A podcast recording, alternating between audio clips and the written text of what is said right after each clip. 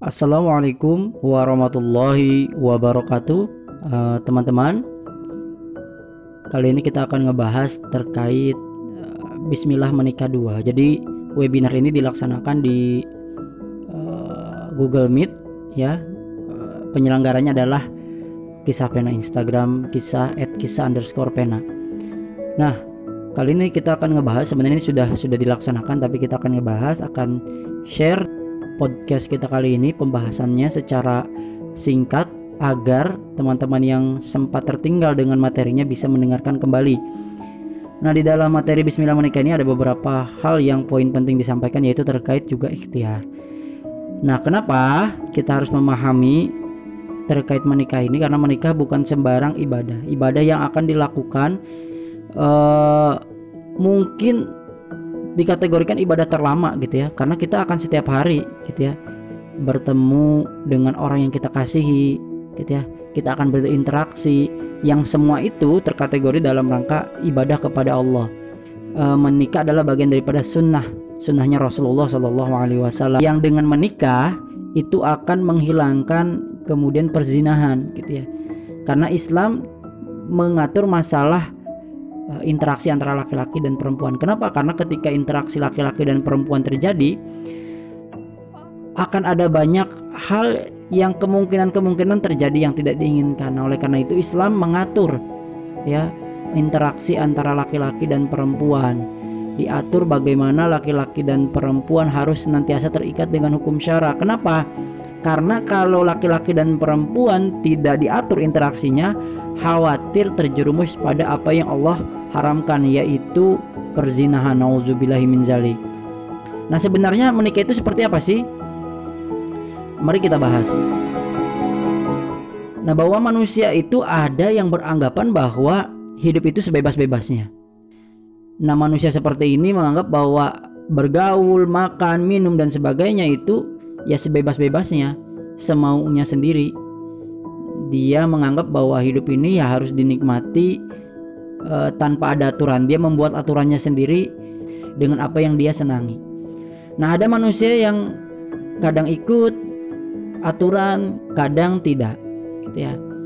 Nah, orang seperti ini di suatu waktu dia memilih untuk mengikuti aturan, ketika aturan itu berbenturan dengan keuntungan pada dirinya, dia akan meninggalkan uh, aturan tersebut. Nah, ada juga orang yang hidupnya kemudian menghamba pada Sang Pencipta, pada Tuhannya. Setiap aktivitasnya harus selalu terikat dengan aturan Tuhannya. Gitu ya. Nah, tiga kategori orang inilah yang uh, akan kita tanyakan. Sebenarnya hakikat seperti apa sih kita sebagai seorang manusia itu, gitu ya. Dengan tiga kategori tadi sebenarnya yang yang seharusnya kita lakukan, yang seharusnya kemudian kita gerak itu seperti apa?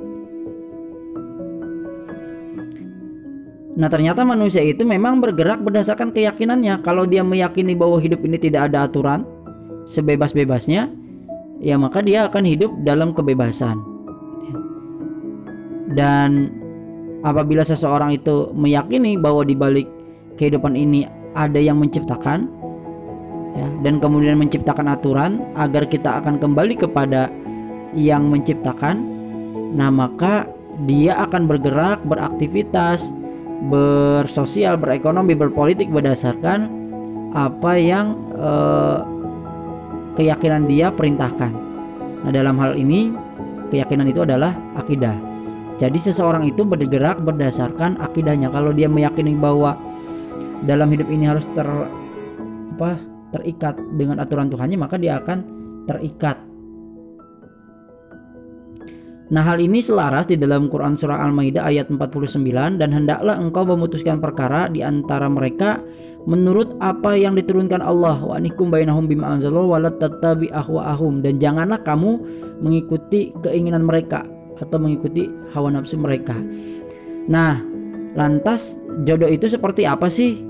Ya, jodoh itu adalah perkara dua, ya perkara iman dan perkara ikhtiar imani atau ikhtiari. Gitu ya. Maksudnya apa? Perkara iman adalah sesuatu yang uh, tidak punya kuasa manusia. Jadi keyakinan.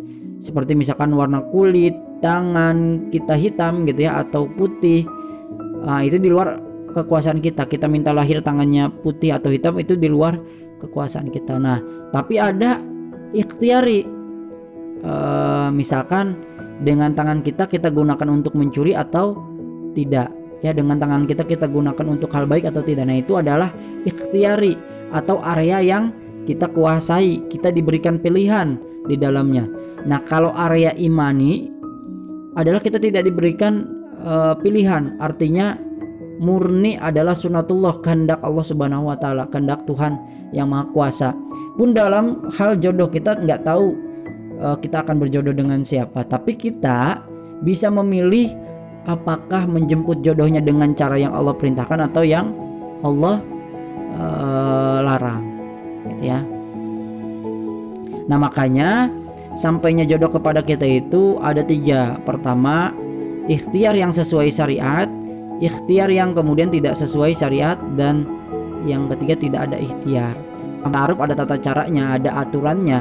Yang di mana ketika kita ingin berinteraksi kita harus didampingi oleh mahram kita ya. Uh, dan tidak boleh berkholwat gitu. Nah khidbah pun bukan dalam rangka semi uh, resmi atau semi halal tidak. Ada yang tidak ikhtiar. Betapa banyak kita saksikan orang yang uh, tidak berikhtiar mencari jodoh dan sebagainya tiba-tiba dia menikah. Nah itu pun uh, semakin meyakinkan kita bahwa perkara jodoh uh, bukan sebatas perkara uh, ikhtiari tapi ada perkara imani